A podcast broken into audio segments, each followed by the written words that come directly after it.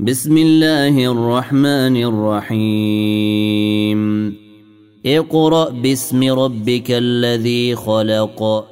خلق الإنسان من علق. اقرأ وربك الأكرم. الذي علم بالقلم. علم الإنسان ما لم يعلم. كلا إن الإنسان ليطغى. أن رآه استغنى. إن إلى ربك الرجعى. أرأيت الذي ينهى عبدا إذا صلى. أرأيت إن كان على الهدى أو أمر بالتقوى.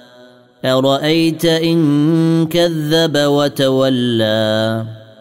ألم يعلم بأن الله يرى؟ كلا لئن لم ينته لنسفعا.